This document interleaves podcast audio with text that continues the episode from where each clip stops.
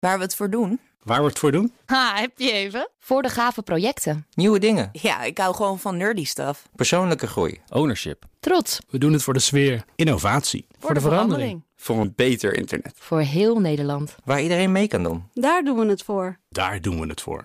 Waar doe jij het voor? Kom werken voor KPN en groei op jouw manier. Check de actuele vacatures op het gebied van data, security, development en networking op jobs.kpn.com/tech.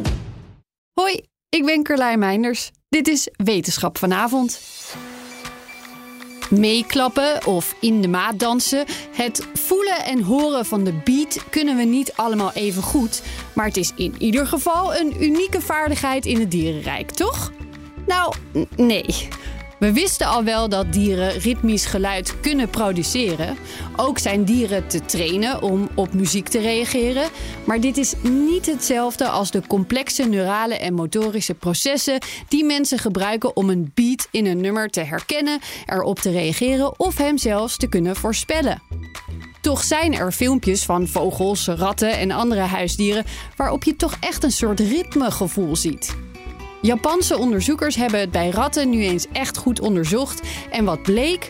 Zonder training of zonder de muziek te kennen, kunnen ratten inderdaad meeknikken met de muziek. Bij voorkeur op nummers met een BPM, beats per minute, van 120 tot 140.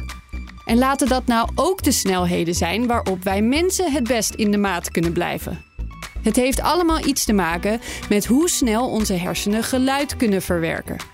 In vervolgonderzoek willen de betrokken wetenschappers nog meer te weten komen over hoe het brein muziek verwerkt.